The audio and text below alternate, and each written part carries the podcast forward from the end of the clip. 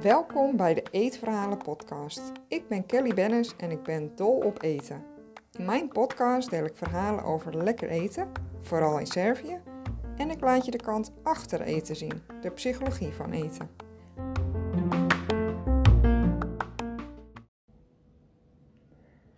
Hoe bouw je eetbuien af? Daar ga ik het uh, vandaag over hebben. Er zijn eigenlijk een aantal stappen die je kunt nemen.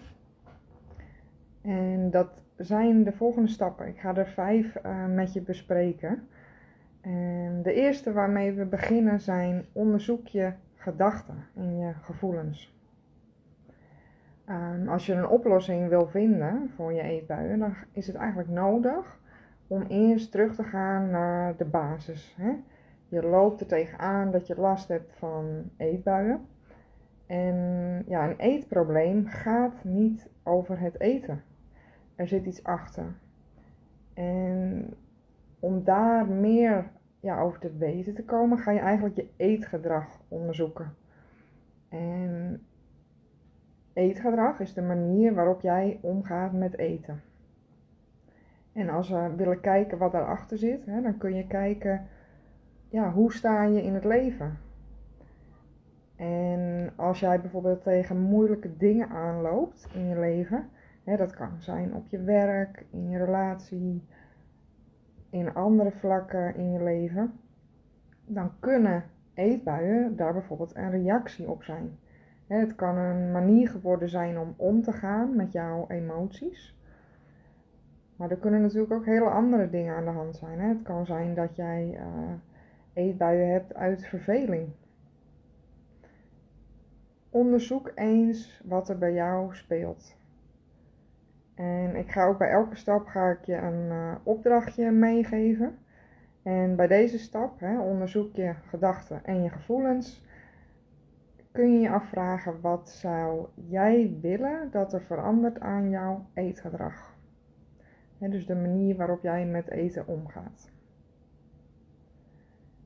Stap 2, dat is je zelfbeeld. Zelfbeeld is de manier waarop jij naar jezelf kijkt hoe je over jezelf denkt, wat jouw kwaliteiten zijn, uh, de oordeel over je lichaam, over hoe jij functioneert, hoe je dingen doet, hoe je dingen aanpakt. En jouw zelfbeeld wordt eigenlijk al voor je zesde, zevende levensjaar wordt dat ontwikkeld of ontstaat dat eigenlijk. daar spelen een aantal dingen bij een rol. De, de, omgeving waar je in opgroeit, dus bijvoorbeeld jouw ouders, verzorgers, hoe zij over voeding dachten, wat zij daarover zeiden, hoe emoties plaatsvonden, wat daarover werd gezegd, uh, de rol die eten speelde in jouw opvoeding. En de dingen die je toen hebt gehoord, hebt meegemaakt, dat zijn jouw overtuigingen geworden. Dus je denkt dat dat waar is. Want je kon op die leeftijd nog niet beoordelen of iets waar was. En je hebt dat meegekregen en dan is het jouw overtuiging ook geworden.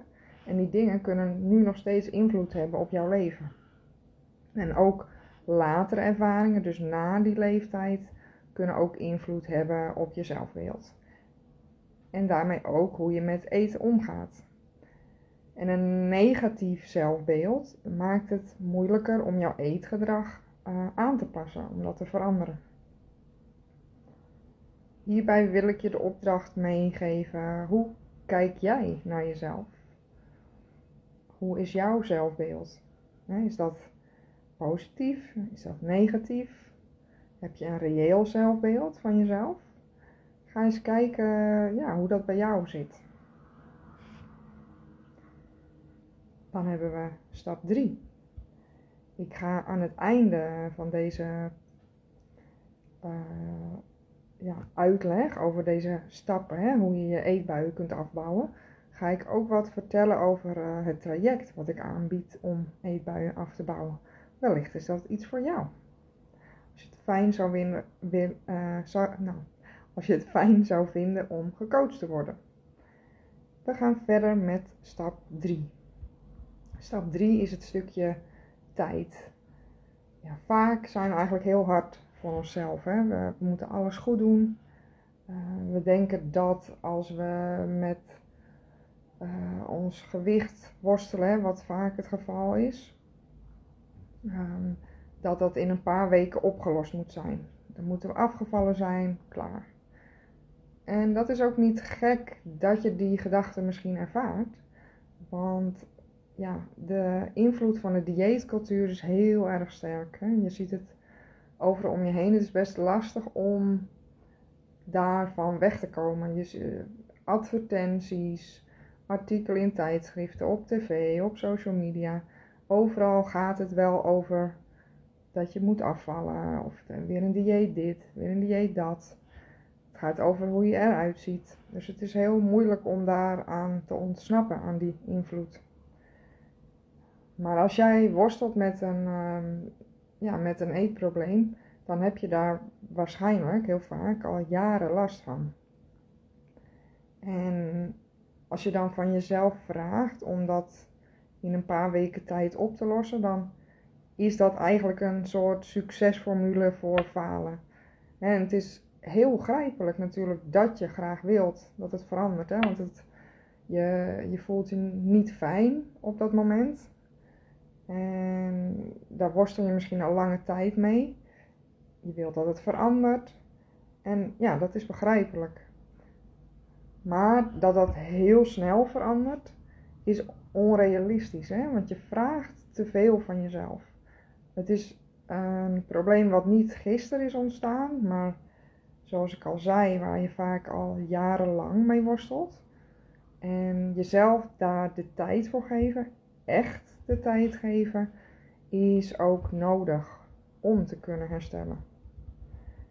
En in plaats van jezelf afbreken, dus geen tijd geven, um, heel negatief tegen jezelf praten, hè, jezelf slap vinden, dat jij het niet kan, hè, want een ander kan het wel. Hè. We vergelijken ons heel vaak met andere mensen, wat ook weer heel menselijk is. Dat die vorm van jezelf afbreken, hè, uh, tegenwerken, dat kan je ook veranderen in jezelf aanmoedigen. En het accepteren dat uh, ja, zo'n proces gaat met vallen en opstaan. Dat is ook gewoon heel normaal. Denk aan een kind wat leert fietsen, die valt ook steeds, of leert lopen, die valt ook steeds en die staat weer op. En dat, uh, dat is normaal. Dat, dat, dat vinden we normaal, dat uh, dat ook niet in één keer goed gaat. Dus zo kan je dat bij jezelf ook zien in dit proces. Het, kost tijd. En dat stukje zelfzorg is heel belangrijk. Die, die zelfzorg die gaat jou helpen om uiteindelijk jezelf beter te voelen. En uh, jezelf zekerder te voelen. Minder stress te ervaren rondom eten. Minder angst misschien. Minder zorgen. En ja, om daar te komen heb je echt tijd nodig. De opdracht die ik je hier wil meegeven is: vind jij het moeilijk om jezelf tijd te geven?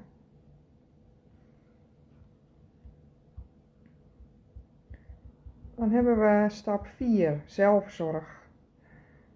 Ik zie af en toe wat mensen binnenkomen. Leuk dat jullie er zijn, dat jullie meekijken ja, vaak, uh, hè, zoals ik net aangaf, uh, worstel je al jaren met, uh, met eten, hè, of misschien met je lichaam. sommige mensen volgen jarenlang een dieet, proberen af te vallen. Of eten met restricties, hè, dus dat je bepaalde dingen niet mag eten van jezelf. En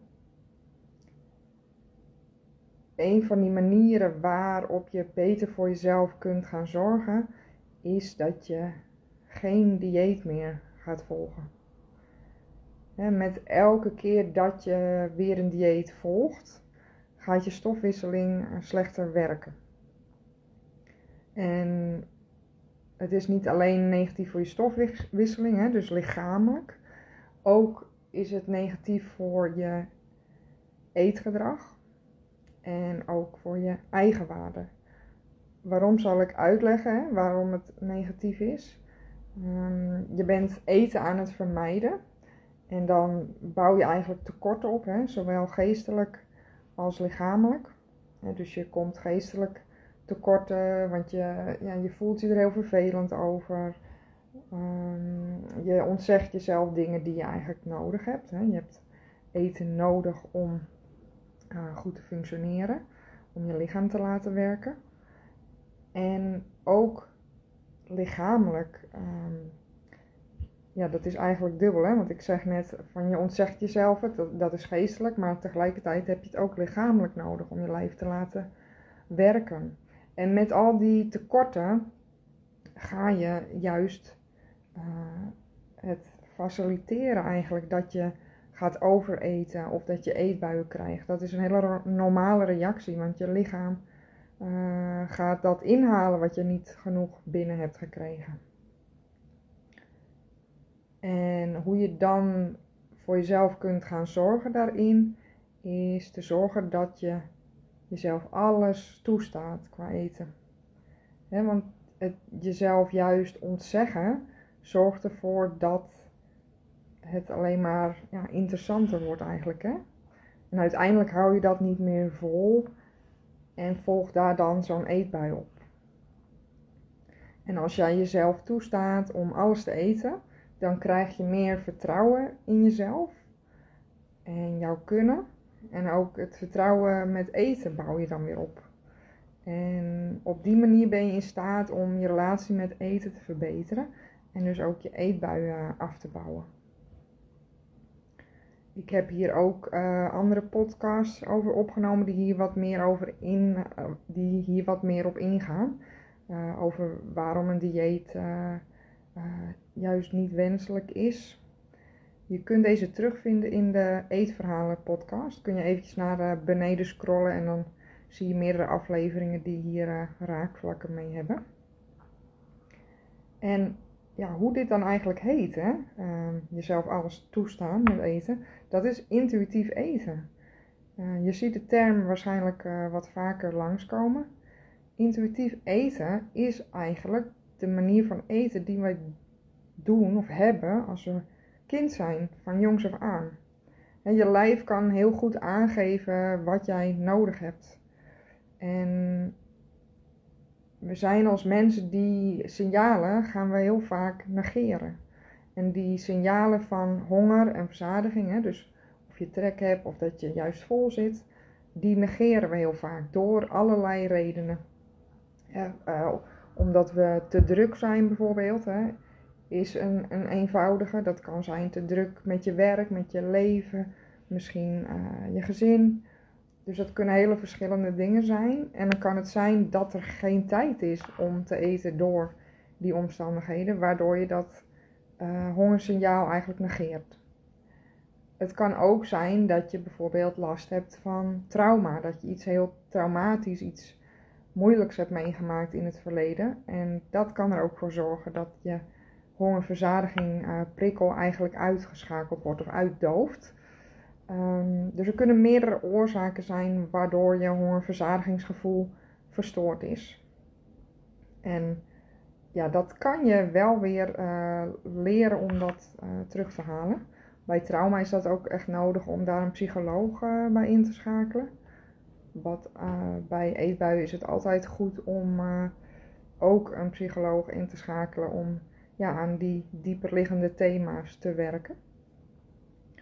Um, en dat kan ook weer helpen, hè, omdat ik net in de vorige stap beschreef, is dat als je een negatief zelfbeeld hebt, is het ook moeilijk om goed voor jezelf te zorgen. Dus um, werken aan je zelfbeeld kan dan ook helpen om die stap te nemen, om beter voor jezelf te zorgen. En ja, intuïtief eten is dus de manier zoals we eten als kind. En daar komt geen schuldgevoel bij kijken, geen gevoel van schaarste. Hè? Dus dat je het idee hebt, um, morgen is het allemaal op, dan mag ik het niet meer eten. En ja, weer, weer intuïtief eten, want dat deed je ooit als kind. Dat is echt een genezingsproces. Hè? En genezingsproces van een tekort aan eten, maar ook aan zelfliefde en zelfzorg.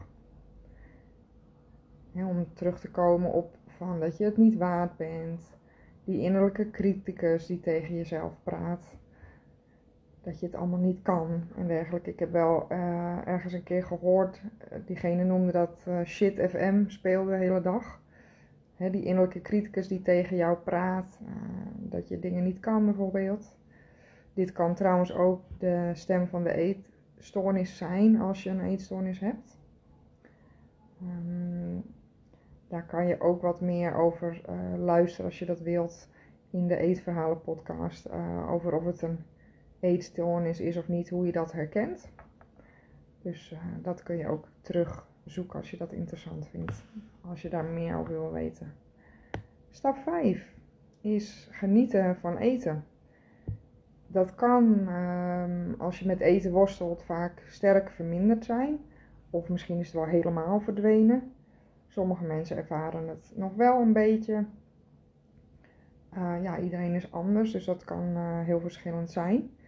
Uh, vaak komt er ja, schuldgevoelens komen erbij kijken bij eten. Of angst bijvoorbeeld voor bepaalde producten. En ja, dat geeft een hoop stress en zorg in je leven. En dat is natuurlijk helemaal niet fijn.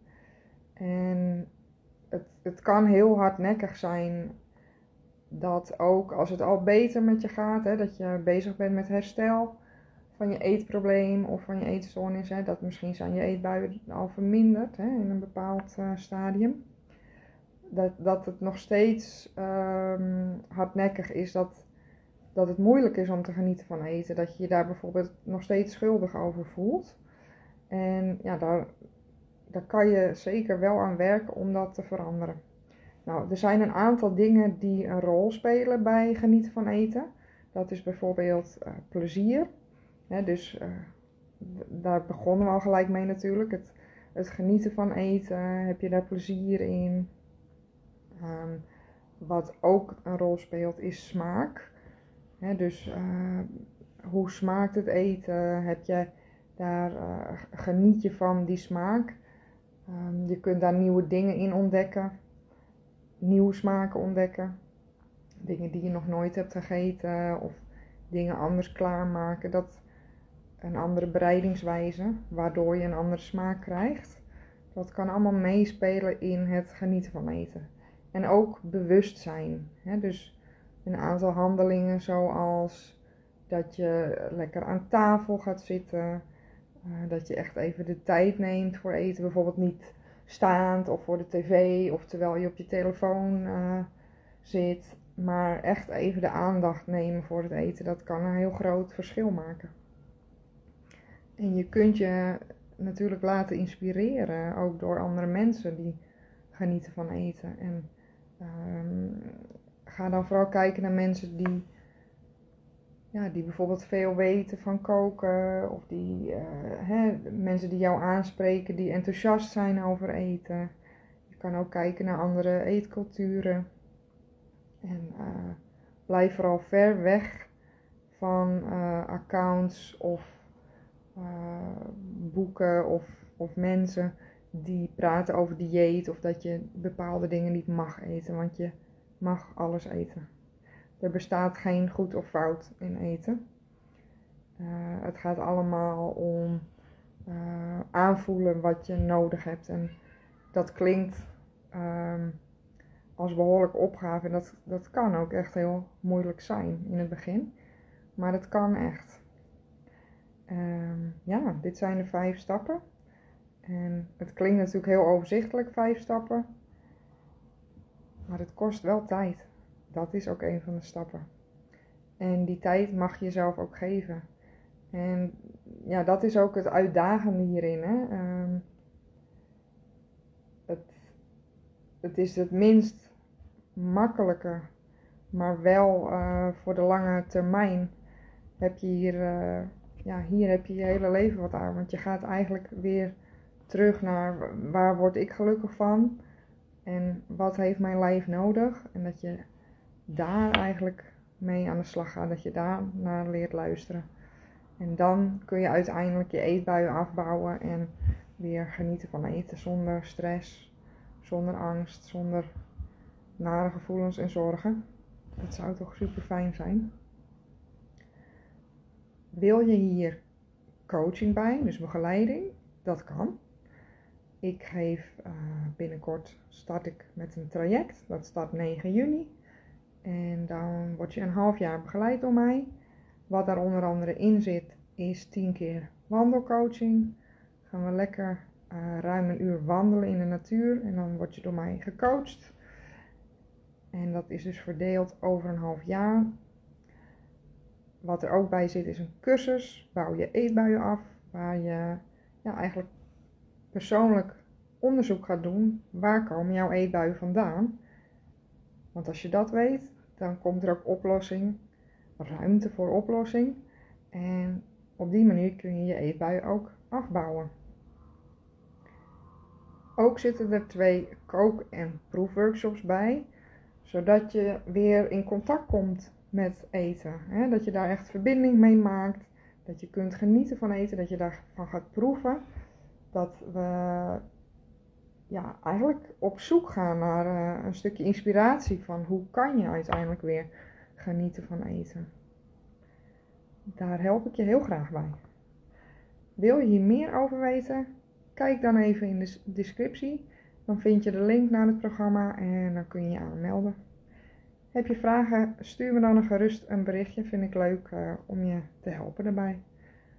Bedankt weer voor het luisteren en tot de volgende keer.